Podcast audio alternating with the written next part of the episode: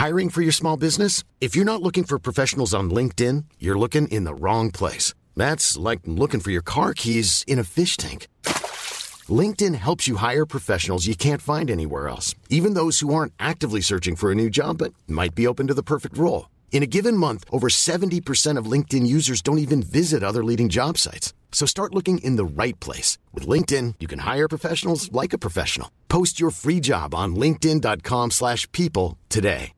Hey, Dave. Yeah, Randy. Since we founded Bombus, we've always said our socks, underwear, and T-shirts are super soft. Any new ideas? Maybe sublimely soft. Or disgustingly cozy? Wait, what? I got it. Bombus. Absurdly comfortable essentials for yourself And for those facing homelessness. because one purchased equals one donated. Wow, did we just write an ad? Yes. Bombas. Big comfort for everyone. Go to bombas.com slash ACAST and use code ACAST for 20% off your first purchase.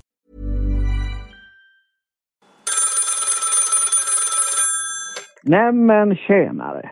Du har precis börjat lyssna på ett avsnitt av Bröta på. En väldigt göteborgsk historiepodd.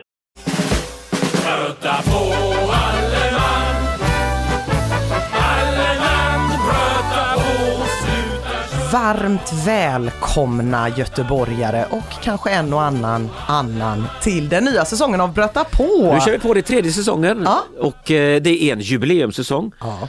Göteborg fyller 400 år år 2021. Så vi kommer att fira Göteborg nu.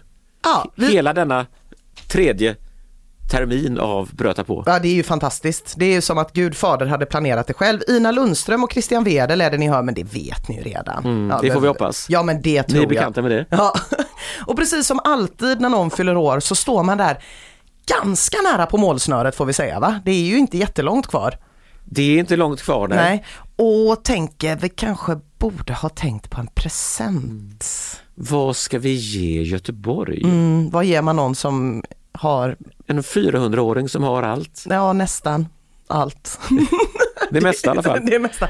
Ja det är lite svårt och det, annars om jag inte riktigt vet då brukar man kanske valsa in på Systembolaget och så brukar jag kanske ta en flaska som ligger där runt hundralappen. Mm. Det, det, jag tänker då är man ganska safe och så frågar man dem på bolaget och så säger man jag vet inte men jag vill inte framstå som liksom för snål. Och inte som för generös Nej, heller. just Då det. verkar man ju desperat. Ja precis och så säger de ja men den här är ett klassiskt sånt här vin för folk som inte förstår vad de köper. Ja men perfekt då tar jag det. Och alla gånger då man har, då man har köpt presenter till arbetskamrater. Där, Ja. där samlas ihop pengar och det är kanske, låt oss säga att man har fått upp en budget på 450 kronor. Och så går man för att man ska köpa den där eh, träningsklockan till exempel. För att man vet att den kostar eh, 449 spänn. Ja. Och så står man i butiken och så säger den glädjestrålande expediten att det här är en modell som går ut så du kommer att få den för 349 kronor. Och då blir man inte så glad. Nej, nej. För då har man en sån där besvärlig hundralapp över och då ska det fepplas med blommor, och löjliga små kort och cellofanlådor och lite fjompig choklad som har... eh, Som ingen vill ha, nej, till kanske en person som är allergisk. Ja. Nej men det är, det är verkligen jobbigt när det blir pengar över. Mm. Men om vi släpper vinflaskorna och de här ihopsamlade grejerna så ska ju vi under den här säsongen försöka utkristallisera just de gåvorna som just du och jag vill ge till göteborgarna och Ja. Göteborg. Till Göteborg och till staden Göteborg. Och det är väl så att staden Göteborg är väl göteborgarna. Ja, jag tycker det. Och det, det kommer också bli så av nödvändighet att, att det vi kommer att kunna blanda högt och lågt här. Det skulle kunna vara så att säga, rent teoretiskt skulle det kunna vara en elvisp Mm. eh, eller bara ren omtanke. Eh, det kan vara precis vad som helst i det här paketet då som Ja, ska det vet man inte. Men vi vet vad den första presenten som vi vill ge göteborgarna är. Just det, Ja. det, var, det, var, det var väl ditt briljanta infall här. Ja, och jag, men jag vill också minnas att du inte var sen på att haka på. Nej, nej, nej, jag, jag älskar den här idén. Utan både du och jag brinner för att rätten SOS, det vill säga sill, ost och smör, Just det. ska återinföras i den göteborgska krogkulturen. Vi vill helt enkelt se mer SOS i Ja. Göteborgskulturen, i det göteborgska kroglandskapet, i det göteborgska konsumtionsmönstret. Ja. Och det här är ju I de någonting... göteborgska magarna Ja. och struparna. Ja, verkligen. Eh, det är också så att eh, för att eh, anknyta till de lyssnare som eventuellt är födda efter 1850, det kan ju hända att vi trots allt har några. Ja, en och annan. Ja, så, så är det ju så att SOS smör, ost och sill eller sill, ost och smör har ju blivit en liten smula utskuffad i marginalen. Eh, Så att innan vi kan ge oss på själva fenomenet och hur vi ska kunna återintroducera SOSen för göteborgarna på ett sätt som känns som en härlig gåva så måste vi kanske också ge en liten resumé om vad det egentligen är.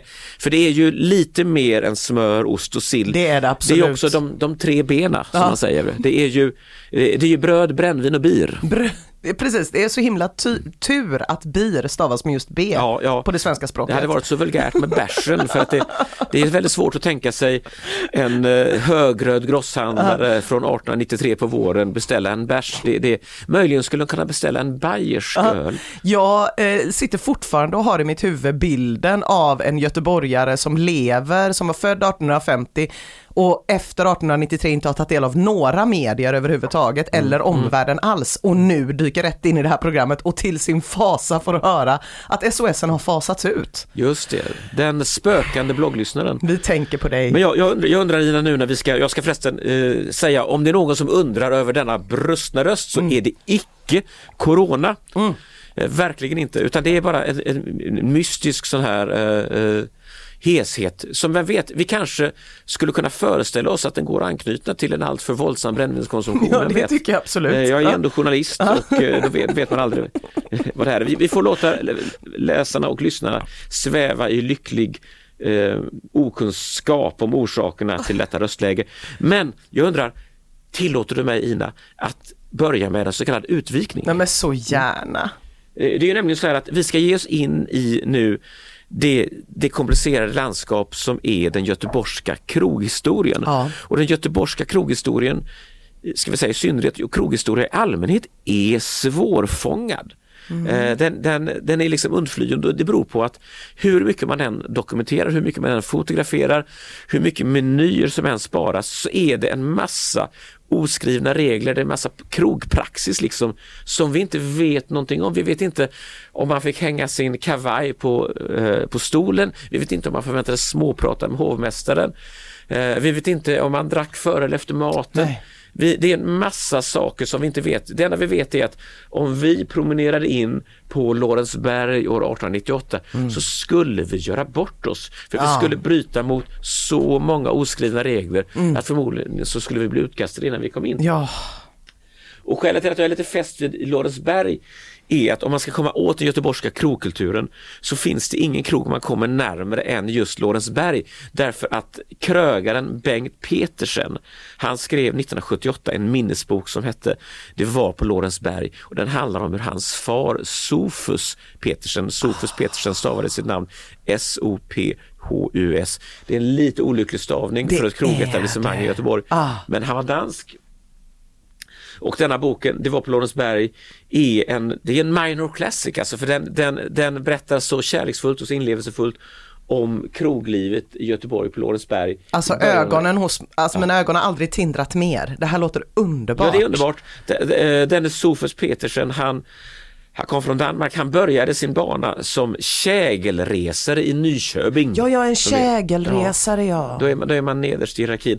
Sen flyttade han till London. Han, Nej, alltså vad är en kägelresare? Ja, alltså om du, en kägelresare är en sådan, om du tänker dig att du spelar kägla, Nej. alltså bowling, Ja, jo, jo. så, så idag har du eh, apparater som reser käglorna. Men, på, men förr i tiden så var det ju pojkar som stod i bakgrunden och väntade på att få resa käglorna. Mm. Detta var utomordentligt tråkigt och enahanda och ganska, ganska läskigt också för Ja, det tror jag det. Ja, jag är mest förvånad över att bowling har funnits så länge i Sverige, men underbart. Ja, nu var ju detta då bowling i Danmark, men vi får Ja. anta att det, fanns, det finns, finns skildringar av kägelresare i, i Sverige eh, från ungefär samma tid också, Mm. till exempel i Jolos bok Slipsen i Krakow tror jag att kägelresarna nämns. Nåväl, Sofus han avancerade till eh, lärling i London där han jobbade på Claridge Hotel och bland annat serverade Aga Khan lamm. Och så småningom kom han till Göteborg och då förvandlade han det här gamla värdshuset Lorensberg till en krog av europeiskt snitt. Och, och det är där Lorensbergsteatern Där, ligger ja, nu. ungefär, Mm. precis. Eh, och, eh, så krogen fick rivas på 50-talet när, när Ah. hotellet byggdes. Mm. Det, men det var några år av överlappning. Men här har vi då en meny från 1898 som, som Sofus då har formulerat, jag läser den. Eh, Det är vitkål med prinskorv, buljong med quenelle, kokt, kors med otrons, kokt torsk med ostronsås, ostronsås. Ja, trevligt. Vittlingsfilé med colbertsås, späckad oxhare med brysselkål och så vidare. Eh, och eh, vi kan sedan läsa på en meny från 1930 då har det avancerat lite. Det är brynta musslor, norsk torsk, torskrom, hummer, jägermatjessill, rysk kaviar, limfjordsostron och så vidare. Nej men fy fan vad gott! Visst är det Alltså, gott, men du, du lägger märke till en sak. Det finns ingen SOS någonstans på menyn. Va? Nej, vi, om, vi vill ju ändå luta oss på någon slags historisk auktoritet för den här rätten. Men det här, det här vill jag hävda med bestämdhet, med en bestämdhet som jag skulle säga är en visshet, nämligen att SOS är så självklar i den här krogkulturen att du, eh, du nämner den inte på menyn. Nej, det är som att Den- skriva att det finns vatten. Det finns vatten eller det finns salt och peppar på våra restauranger eller kanske till och med rent av finns ketchup. Ah.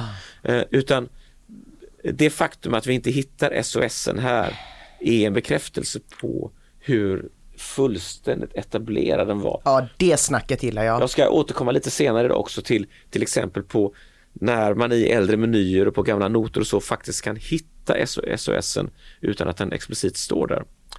Så, att, så, att, så ligger det till. Hur, hur känner du för den här SOS-explosionen bland gäddkvenellerna och Limfjordsostronen? Nej, Alltså jag tycker generellt sett, eller jag tycker helt övergripande att den här menyn låter helt lysande. Jag blir så hungrig. Och jag är uppvuxen med indonesisk mat, det vill säga jag är uppvuxen med att äta chili till frukost, sambal till frukost.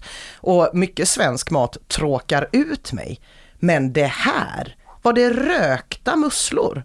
Det var nog rökta musslor. Ja men det låter ju svingott, allting låter ju svingott och som att det har jättemycket smak. Jag blir så sugen på att liksom glida in på ett ställe som fortfarande serverar det här. Ofta blir jag avundsjuk när jag är i Stockholm för jag upplever att det finns krogar i Stockholm där man kan gå in och känna historiens vingslag på ett annat sätt än vad man kan i Göteborg. Eh, åh vilken meny! Men, men du nämnde då den här indonesiska födan, Ja. eh, din, din eh, din kosthållningen från så att säga din, din andra släkt. Ja, Ja. Eh, vad, vad är då motsvarigheten till SOS i Indonesien eller kan man på något vis Mm. kom, kombinera detta? Ja, det skulle nog vara, eh, det skulle nog vara en liten typ utav friterad fisk som man äter hel. Ja, ja. Eh, tillsammans med ris kokt i eh, lite kokosmjölk. Och till detta lite jordnötter, kanske ett ägg, lite sambal och grönsaker. Ja, för det är ju ändå trots allt så att, att, att om det är någonting som präglar Göteborg så Ja. är det att vi har i betydligt högre grad än till exempel Stockholm varit väldigt pigga och intresserade av internationella influenser. Mm, det har hela tiden till Göteborg strömmat idéer från utlandet. Ja.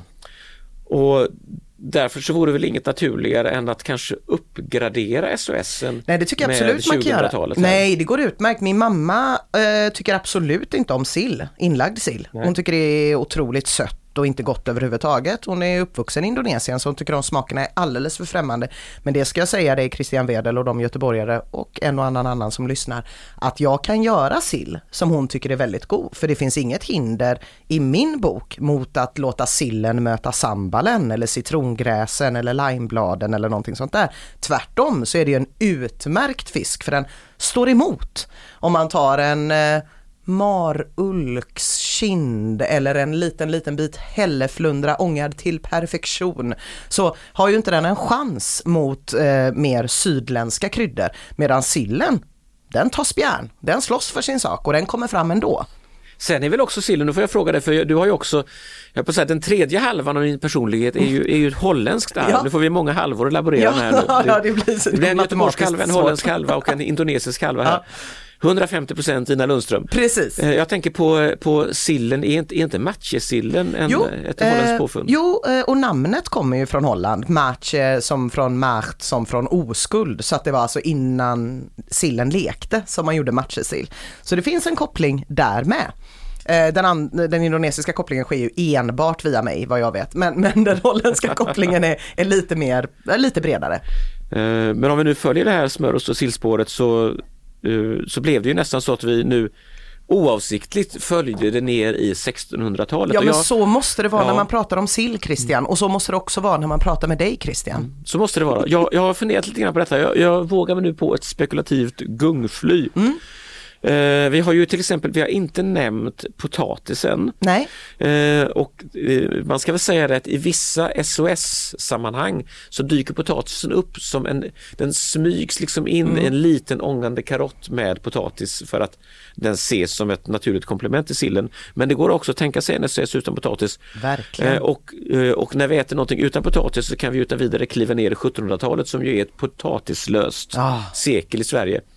Men, men det är ingalunda ett ostlöst sekel och inte heller smörlöst. Det, det, det skedde en eh, betydande export av smör från Göteborg. Jaha. Och eh, eh, framförallt så är det ju så att Göteborg präglas av sillperioder. Ja. Och om man som jag har intresserat mig för sillperioderna lite grann så vet alla sillperiods aficionados där ute att det, det, man hade en stor sillperiod på 1500-talet på västkusten, en mycket stor på 1700-talet och sedan en en sista period från 1877 till 1906 ungefär. Men det finns en mytomspunnen, mystisk omstridd sillperiod på 1660-talet som ingen riktigt vet om den fanns därför att man krigade så mycket att man inte hann få upp någon sill. Är detta en fråga där sillperiods runt om i världen kavlar upp ärmarna och till och med utövar handgemäng jag för att de har så det diametralt man kan- olika man kan- åsikter? Jag har sett, jag har sett eh, kultiverade men dock gräl om detta.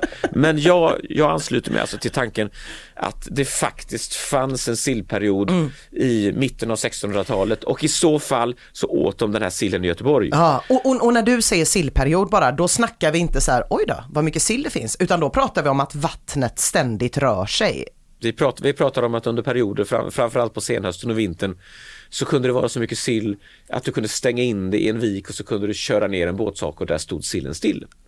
Vi pratar om vansinniga mängder. Ja. Eh, Så att därför vill jag här med en dåres envishet och jag Mm. vet att, eh, att eh, de professionella historikerna må hänga mig men nog 17 käkade man SOS i, i, i, på bred front i Göteborg Mm. Ah. på 1660-talet. Det, det fastslår här, men det fanns sill, Mm. det fanns smör, det fanns Ost. Gud vad härligt. Och sen så eh, efter en sån här riktigt ymnig sillperiod Mm. så har sillen en tendens att försvinna under sådär 50-60 år. Den kan försvinna i bortåt ett sekel. Ja, och det var vad som hände då 16 till 17. Ja, sen, sen kommer sillen kommer tillbaka till, till västkusten ungefär 1747. Ja, ungefär. Ungefär Ja. 1747 och då, då börjar man dra upp sill som dårar. Mm. Eh, och en del, del sill saltar man och äter, en del sill kokar man och gör olja av. Ja.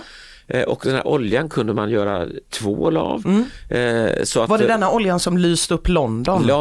Man lyste upp London, man lyste upp Paris och man, man skulle kunna säga, eh, jag är i alla fall väldigt tilltalad av tanken på att den franska evolutionen Mm. ägde rum i skenet av den göteborgska upplysningen, nämligen från de silltranelampor. som 100%. lyste i Berlin. Så, så är det. Så att, sillen är ett upplysningsprojekt, ett sannskyldigt sådant. Så måste, så måste vi se det. Och, och osten och smöret också Ja, förstås. naturligtvis, naturligtvis. Och sen så kommer det då eh, fram en bit på 1800-talet så kommer det en ny sillperiod.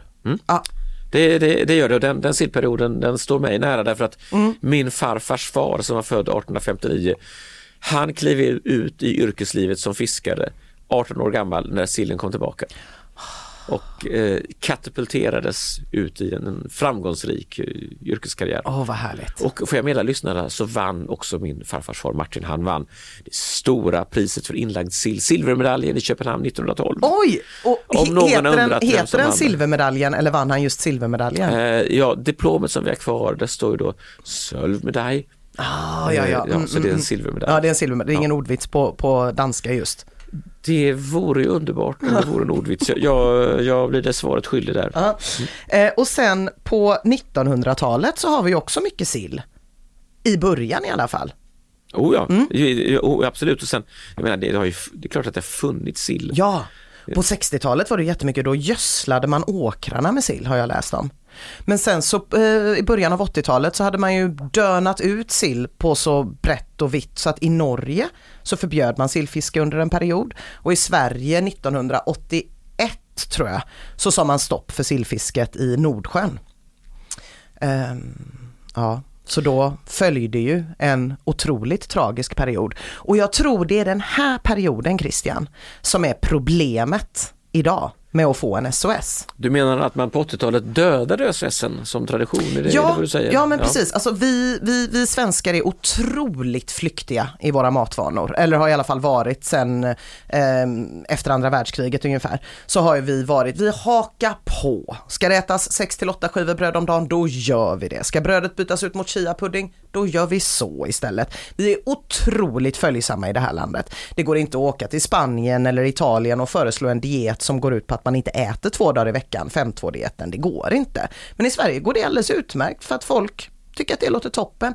Så att, eh, och, och, och, och vi har en väldigt eh, eh, våra rötter matmässigt går väldigt, väldigt kort. Alltså om vi ser på de liksom mest viktiga svenska mattraditionerna. Som en utländsk person skulle komma hit och tänka, gud vad exotiskt och spännande. Så har vi kanske våra pizzerior, otroligt märkligt. Otroligt märkligt. Hela Sverige präglas av en och samma pizzakultur som du inte hittar någon annanstans i världen. Du kan vara i Norrland, du kan vara i Skåne, du kan få en Vesuvio eller en Hawaii eller en Pescatore som innehåller precis samma saker och smakar ungefär likadant. Och utanför Sveriges gränser betyder de här orden ingenting. Och så har du ja vad ska vi mer ta som är väldigt, väldigt svenskt? Tacos på fredagar kanske? Det har ju bara funnits sedan 90-talet. Och nu när vi går in i sommaren, att grilla. Jag har fortfarande inte sett en människa i min ålder som är född 1983 hänvisa till mormors gamla grillglaze. Utan varje gång det ska ut och grillas så måste vi svenskar först läsa på lite ordentligt och vi går till butiken och köper en produkt som det förhoppningsvis står ett grillprefix framför. Till exempel en grilltomat eller en grillmajs eller en grillsvamp eller en grillost eller ett grillspjut eller en flintastek som det står grill på. Och så tänker vi det här är det man ska ha när man grillar, vad bra. Och sen så nästa år är det någonting annat. Och det här gör ju att vi har en tendens att släppa väldigt många av de här maträtterna som man åt innan andra världskriget. Eh, och där tänker jag att SOSen föll i glömska jag tycker att din, din, eh, din diagnos här på, på svenskarnas oförmåga att hålla i mattraditioner, eller att hålla mattraditioner levande är intressant. Eh, en av mina favoritförfattare, Göran Schilt, han, eh, han skriver om en, eh, om en segel, segelresa kan man säga med båten Daphne 1951 i, runt Italien och då eh, råkar han ut för någonting som han beskriver som, det är då en pizza. Mm. Och, då, och det här är en bok från 51 och då måste den här glosan för, förklaras för, för svenska läsare. Så det står då inom parentes att det är citat, ett slags pirog vanlig i kampanjen. Mm. Det är de pizza. Mm. Och det säger någonting att i, idag finns det inte en ort med, eh, med mer, än, mer än 50 hushåll som som inte har en pizzeria. Nej, men, men, men 1951 började vi förklara det. Ah. Jag läste också Per Rådström som skrev, skrev eh, mycket kåserier om mat. Han beskriver ungefär samma typ av flyktighet som du beskriver men han, han påpekade då att plötsligt nu 1950 så ska alla ha körvel i allt. Så han, så han, han skriver med förtvivlan, körvla icke. Nej, körvla icke. Ja, det finns ju också, apropå pizza, ett osande inlägg av Moa Martinsson mot de här nymodigheterna att äta pizza som ju låter som pissa och barnen blir generade och förfärade och ändå ska svenskarna kasta sig över detta istället för att äta spickesill. Eh, så du och jag verkar ju i en skön gammal tradition med ganska många andra. Har Moa Martinsson skrivit om pizza? Det här hon, är ju hon, och Det finns inspelat. Kanske att, eh, om, om, antingen kanske, kanske att Andreas kan klippa in det här. Ur Sveriges Radio men tänka sig när man till exempel sitter och man har barnbarnen hos sig. Jag har vuxna barnbarn som är 17-18 år och, och, och de sitter bredvid och vi sitter och tittar på tv och så, och så är det ett fest, eh, fint middagsbord med professorer och fint folk och så säger värdinnan helt plötsligt men hej, nu ska vi laga till en pissa och eh, barnbarnen blir blodröda i ansiktet och, och, och, och och, och sådär. Vi är ju inga italienare nämligen, vi är ju svenskar. Det är löjligt varför hålla på och det där är väl inget gott förresten. Jag vet inte vad det består av egentligen, en massa röra så har det en kock till på köpet och, och lagar till det. Vi ska inte ha sådana där fasoner, vi ska inte vara sådär förskräckligt härskapsaktiga. Det är någonstans här, tror jag, från, jag, jag misstänker i alla fall att SOSen kunde du beställa på de svenska krogarna. Säkert på 60-talet och en bit in på 70-talet också. Men där någonstans tar det stopp. Och det finns en väldigt tydlig grej som händer där och det är att vi svenskar plötsligt vägrar äta mat som inte amerikanerna först har godkänt. Det är en väldigt tråkig utveckling för det är varje gång vi möts inför ett nytt matfenomen, även om det det kan komma från Danmark, det spelar ingen roll. Men då vet vi att då har det redan etablerats i USA. Så det spelar ingen roll om det är de här gourmethamburgarna som nu är lag på att servera med potato buns och hängmörat och det ska vara oblekta servetter och det där burgarställen som poppar upp över hela, hela Göteborg. Det har först kommit till USA. Och även eh, någonting som man tänker är svenskt som vi ska göra lite fancy korv med bröd det kommer också från USA. Och tacotraditionen kommer från USA och för den vietnamesiska soppan som man plötsligt kan få köpa överallt, den kommer från USA. Och, och alla de här rätterna som vi känner, pokebowlen inte minst, som kanske är den som i, i eh, relation till SOS är den jag är argast på egentligen, det här intåget, att vi kan tänka oss att äta kall fisk så länge amerikanerna har välsignat den och tagit den som till sin. Men den svenska sillen är fortfarande eh, borta det är amerikanernas fel alltså? Ja. ja, det är väl vårt fel för att vi inte, för att vi inte kan tänka oss att titta lite på vad vi äter i det här landet och tänka, går det att göra det här på ett godare sätt? Att vi tuggar i oss våra ganska trötta hamburgare med fluffiga bröd på campingar runt om i Sverige i 40 år innan någon säger, vänta lite nu, nu har det ju öppnat Flippin Burgers i Stockholm. Då är det fritt fram och baka eget hamburgerbröd. Nej men vad trevligt, och gör alla det helt plötsligt. Det tycker jag är lite tråkigt. Intressant här. Eh, jag, jag satt och väntade med iver på att du skulle, du skulle ge dig på eh, den här egendomliga sour cream-trenden som, som jag har väldiga problem med. Men ja. jag, jag, känner att, att min antipati gentemot sour cream är så är så omfattande att, att jag faktiskt eh, kräver ett eget program, då, då, eller kanske rent av en e egen podd och vi sågar sourcreamen. Men Innan vi går vidare Ina så ja. måste jag bekänna att jag har gjort något galet i detta första program. Ja men berätta. Det, det var ju nämligen så att det, det, har ju fallit på min lott att arrangera tävlingen. Just det! Och vi, vi har ju inte setts på så länge heller Christian så, så vi är ju ystra, vi är som ystra vårkalvar. Vi, vi, är som, vi är som kalvar på grönbete mm. bland uh, smör, ost och sill. Uh, mitt uppdrag Ina har alltså varit att vi ska skapa en tävling ja. då du ska sättas på det hala. Ja. Eh, med en så kallad jubelfråga. Mm. Mm. Göteborg fyller ju 400 år, så, så är det. en jubelfråga. Eh, nu skulle egentligen programmet ha inletts med att du skulle ha fått den första ledtråden. Nu har vi kommit en god bit in eh, och därför så får vi rappa på lite grann. Du ska förklara premisserna. Ja. För du kommer att få en sån här fråga i varje program. Mm. Och du ska helt enkelt försöka nagla fast vilket år i Göteborgs historia som de här ledtrådarna gäller. Mm. Eh, du kommer att få tre ledtrådar, mm. en åt gången, så kommer vi mm. att småprata lite däremellan. Och det är också så här att om det skulle visa sig att det är på 1600-talet vi söker svaret, då har du ett tidsfönster på 50 år. Åh, det tackar vi för. Ja, det vill säga oh. om du gissar på 1650 mm. så skulle rätt svar kunna vara 1625 eller 1675. Ja, underbart om vi är inne på 1700-talet har du ett 25-årigt tidsfönster. Mm. Om du är på 1800-talet eh, är fönstret 10 år. Det är 10 år där ja. Mm. mm. Och är det 1900-talet så är fönstret 5 år. Ja men det tycker jag är vänligt. Mm. Det tycker jag är vänligt. Så är det. Men du kommer det är då... roligt att om jag hade gjort den här till dig mm. så hade jag gjort tvärtom.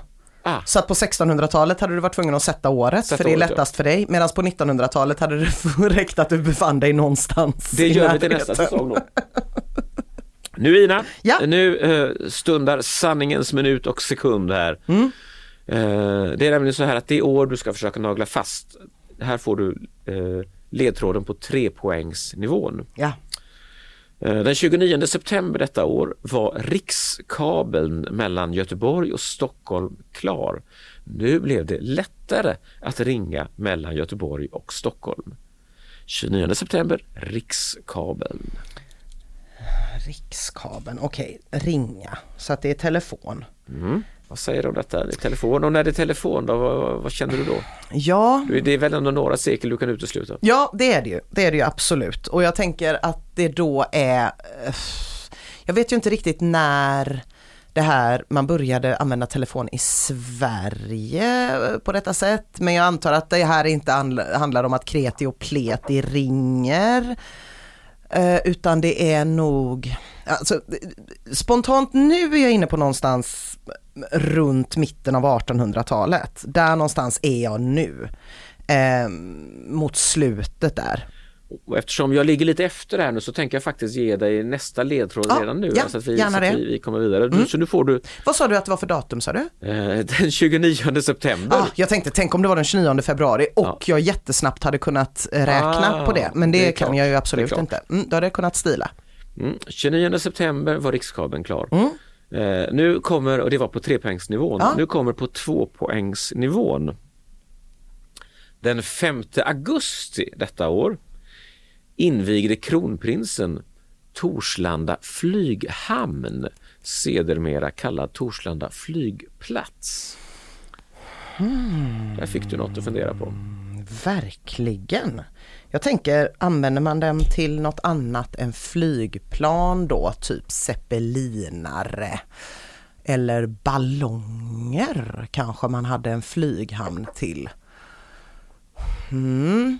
Jag känner nog fortfarande att jag är på 1800-talets andra hälft. Jag tänker inte att vi pratar om eh, eh, när Ryanair började, utan jag tänker att det här är något utav de här härliga flygfordonen som föregick flygplanet, där eh, jag alltid ser framför mig att det är män med krulliga mustascher och stor upptäckarlust med livet som insats som ibland eldar upp stora delar av eh, sig själva och hela sin expedition i jakt på det här nya härliga flygandet. Det låter som om du talar om Monsieur Sivell som år 1872 gjorde en berömd ballonguppstigning eh, från Skeppsbron i Göteborg. Och eh, han hade nämligen enastående eh, mustascher och skägg och polisonger. De var fullständigt fantastiska, han såg ut som ett lejon. Så alla, alla lyssnare manas nu att på sin lilla Google-maskin slå upp eh, Monsieur Sivell, S-I-V-E-L. Ja, Aeronaut var han. aeronaut, nej men aeronaut, nu fick Mm. Så jag med mig ett fint ord också. Ja, nej men jag, jag är fortfarande, för jag ska ju sätta det med tio år här. Du ska- Så jag kommer absolut vänta tills den sista ledtråden Du kommer ska sätta sen. det med tio år förutsatt att det är 1800-tal. Ja, just det, just det, just det. Så, Mm. så, så, så är det ju. Så är det. Det är 50 år om det är 1600-tal. Mm, och fem 25 år om det är 1700-tal, 1900-tal. 10, 18, ja, men jag känner mig 5, hyfsat 19 etc. säker på. Eh, Man fick inte höra vad, vad kungen hette eller så. Som om det, Det hade hjälpt mig i och för sig. Det hade inte hjälpt mig. Nej, nej, nej, nej, nej. Okej. Det skulle vara, ja det, det hade nog kunnat möjligen hjälpa dig. men eh, så generösa är vi inte. Mm, Nej. Vi kan, vi kan väl Ja, men det låter- lite generösare sen i slutet av veckan. Det låter bra. Ja, men jag får suga på detta lite så väntar jag in eh, en poängsnivån. Ja, när, när, du, eh, när du Ina slungade ut detta ämne på det inledande planeringsmötet Ah. så, så talade du med, eh, jag höll på att säga tindrande röst, eh, men i alla fall med förväntan om Gamleport.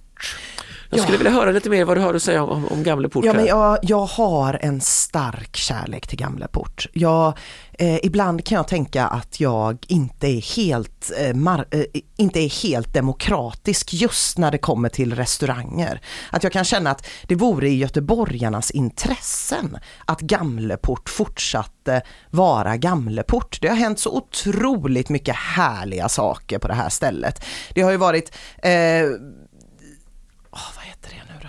De här som hade sin dag på Gamleport. Alla som heter samma sak. Var det inte Kennetklubben? Precis, de har ju haft Kennetklubben där de avfyrade en liten kanon på Gamleport.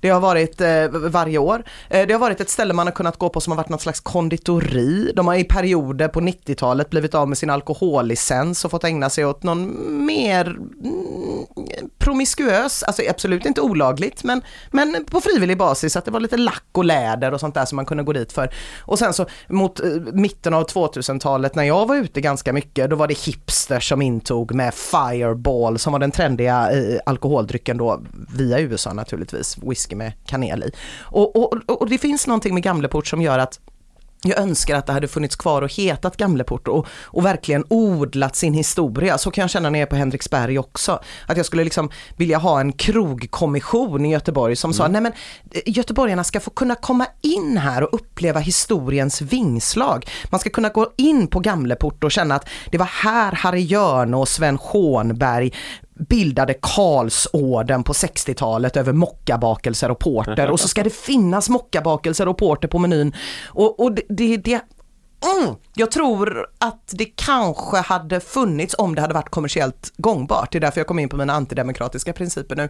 Men jag känner att även om det inte skulle vara kommersiellt gångbart så borde det ändå få finnas. Vi får väl söka en mecenat helt enkelt. Som Ja, som utlyses här som, som med. kan ta itu med detta. Mm. Jag, vet, jag tänker på Stordalen, alla hans hotell, han kanske skulle kunna ha en, en, en, en liten eh, ett, ett litet kulturskyddat revir där, där mockabakelser och porter förtärs. Ja, det går säkert att... Ja. Eh, Här, härmed utslungar vi denna utmaning till, Ja. till hotellbranschen och till, till alla mecenater där ute. Ja, och jag tror att det är för att det finns flera låtar som nämner Gamleport. Det finns liksom skrifter som nämner Gamleport, det finns låtar, det finns liksom, ja, det finns ju punklåtar som nämner det, det finns äldre låtar som nämner det. Det är samma med Henriksberg. Att det finns låtar som nämner det och då känner jag så här, nej men då får vi, då får vi spara på det lite grann extra. Ja, om man når, om man når det allmänna medvetandet så, eh, när det, gamle, Gamleport, det, nu, nu är våra lyssnare så mångkunniga så vi kan, vi kan räkna med att de, de vet att det här syftar på den, på den gamla porten, nämligen Kungsporten som fanns Ja. på den här platsen. Mm. Och som, eh, som res på 1830-talet. Eh, Då hade man haft eh, en sån här bevarande debatt full av skrik och bråk och gräl och de hade räknat på hur mycket det skulle kosta att spara den här porten. Som påminner ganska mycket om de debatter vi har idag faktiskt om, när man vill bevara saker som, Mm. som gamla kranar och sånt där.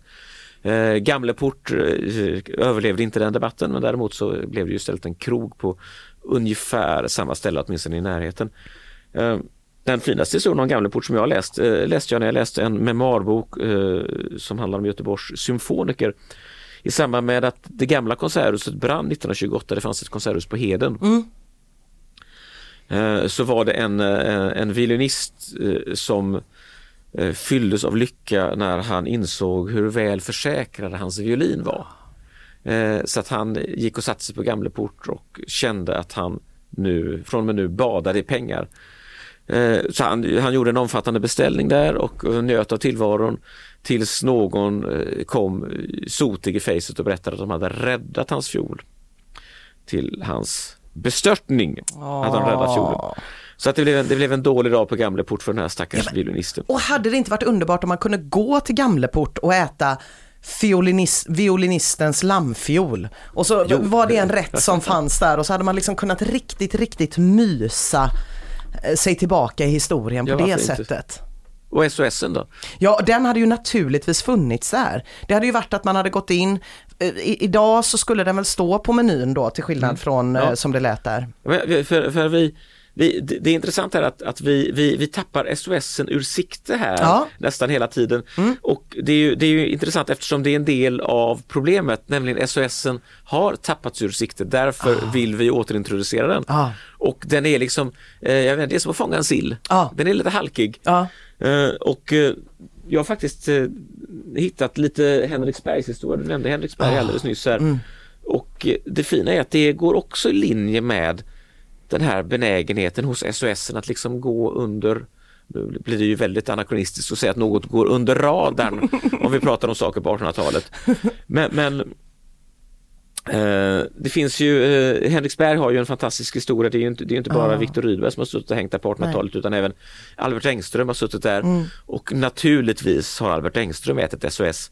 Piraten satt på Henriksberg på 30-talet. Eh, och, eh, Mm. Karl man- Gerhard skrev om hur gott det luktade utanför Henriksberg. man kan, man, kan, man kan verkligen räkna med att Viktor Rydberg och Albert Engström och Karl Gerhard och Piraten allesammans Ja. har på något vis förtärt SOS på, på Henriksberg. Ja. Kanske inte tillsammans med varandra och inte, och inte samtidigt.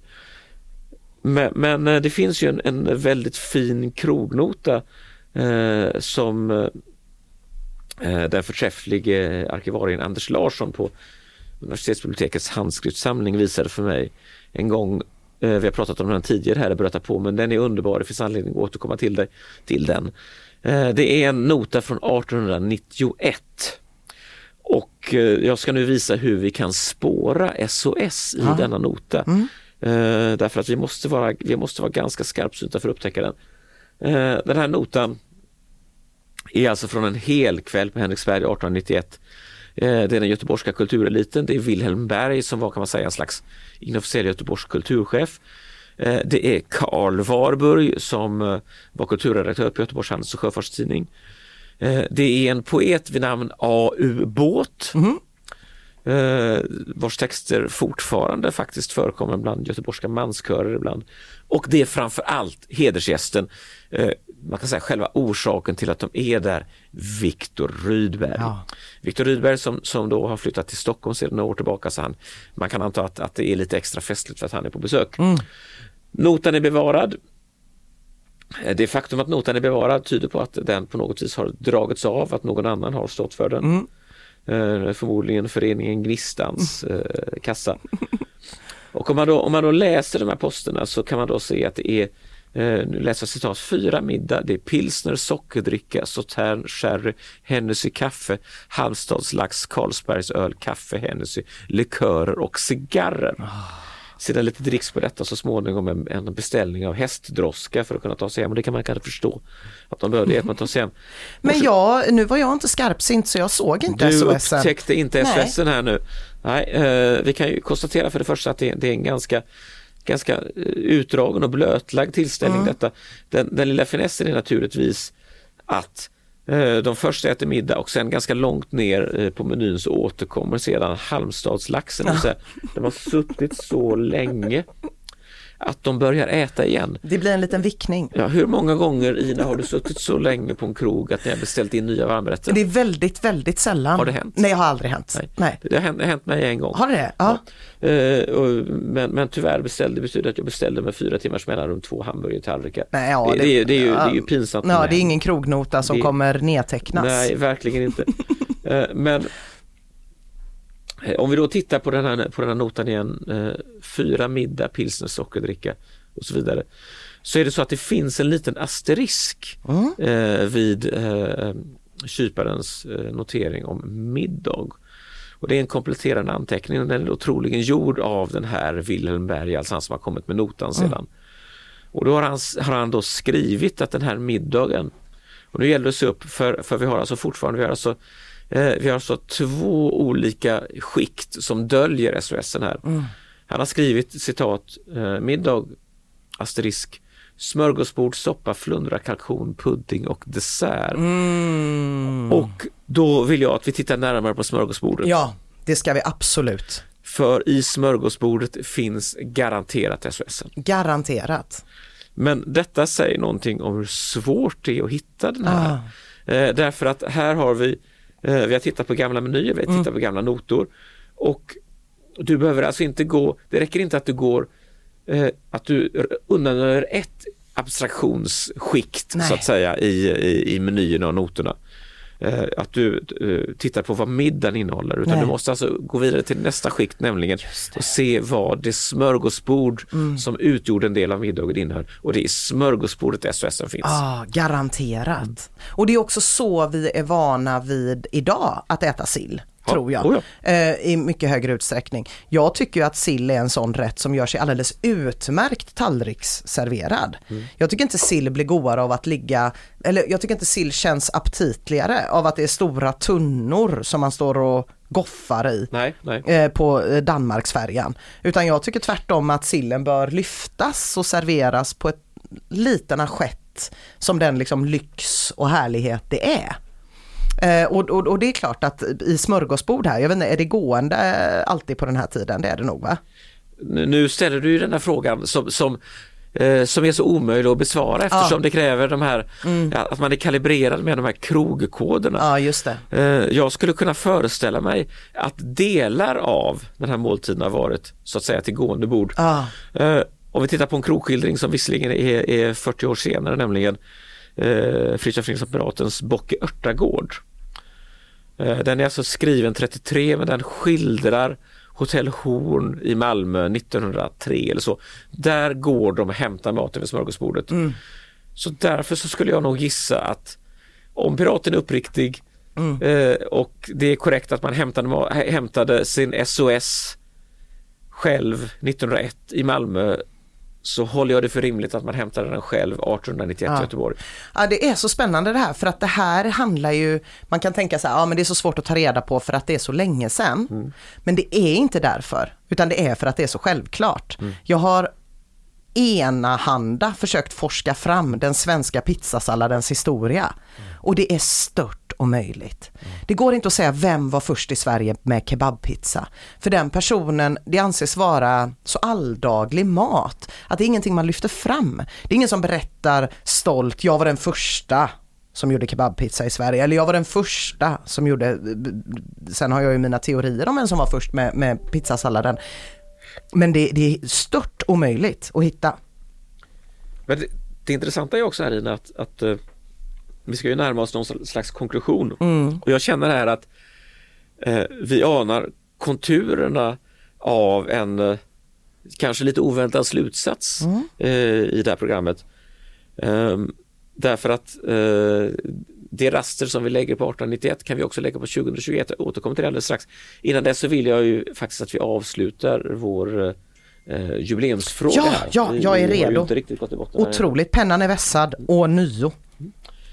Eh, Då är det så att du har, du har ju fått två ledtrådar Mm. hittills. Det är Rikskabel och det är Torslanda flyghamn. Torslanda flyghamn, Mm. sedermera kallad för Torslanda flygplats. Eh, Men nu får du den sista ledtråden, det är en poäng på spel här nu. Ja, Den 8 maj detta år öppnades Göteborgs jubileumsutställning två år försenad av kung Gustav den femte.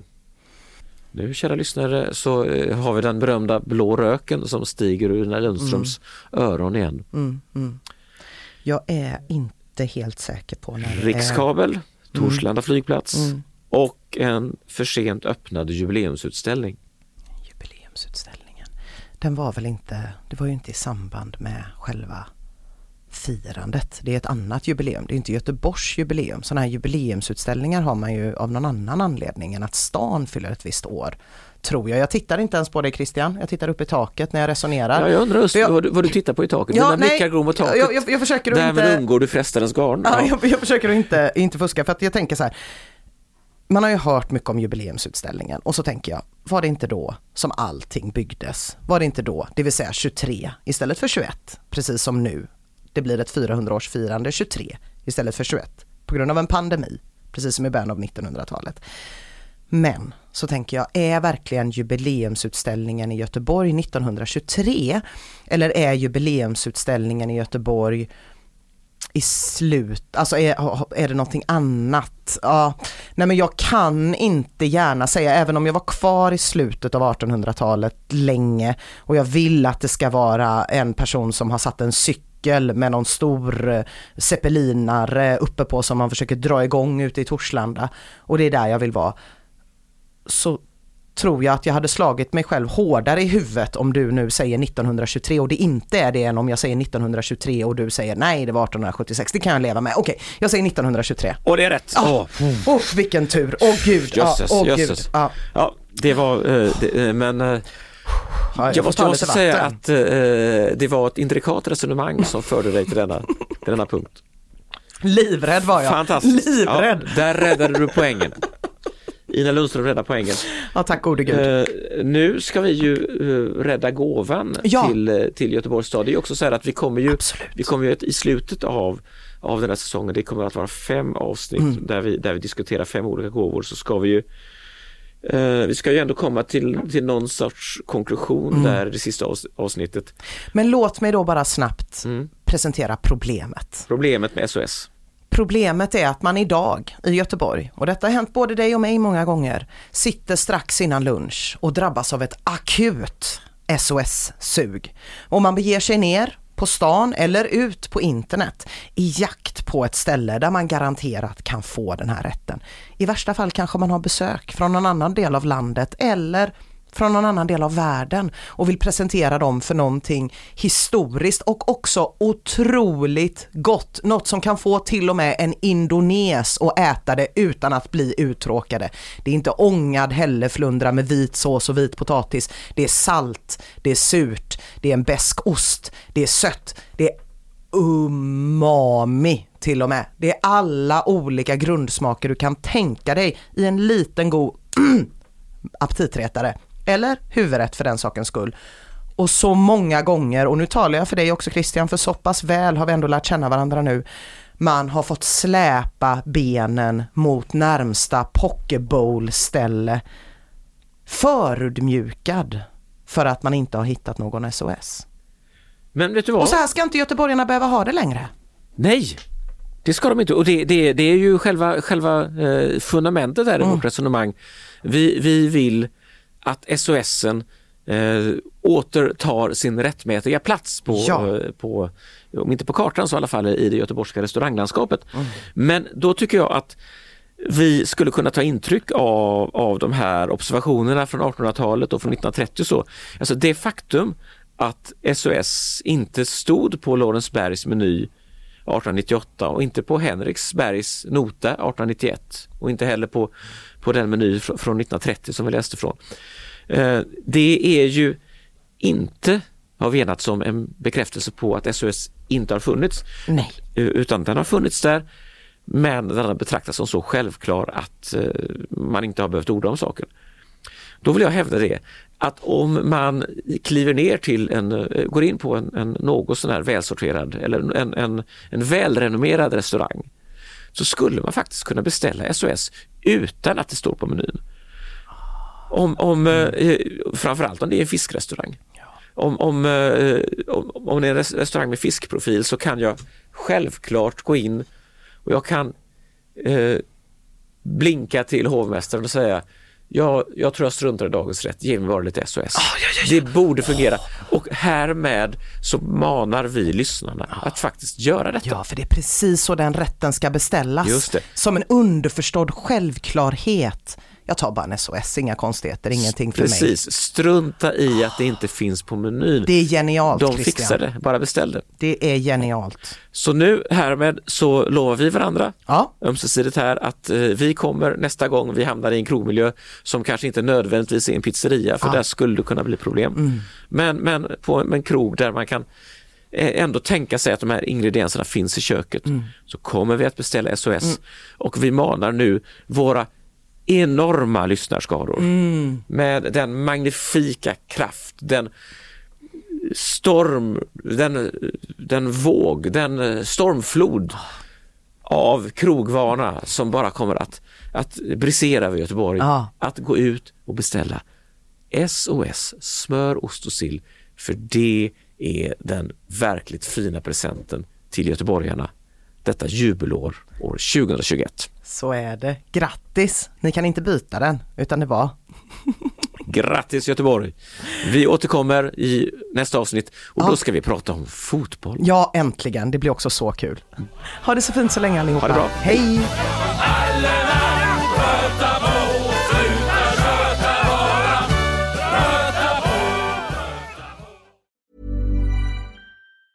Hi, I'm Daniel, founder of Pretty Litter. Did you know cats tend to hide symptoms of sickness and pain? I learned this the hard way after losing my cat, Gingy. So I created Pretty Litter, a health monitoring litter that helps detect early signs of illness by changing colors, saving you money and potentially your cat's life. Pretty Litter is veterinarian developed, and it's the easiest way to keep tabs on your fur baby's health right at home. Go to prettylitter.com and use code ACAST for 20% off your first order and a free cat toy. Terms and conditions apply. See site for details.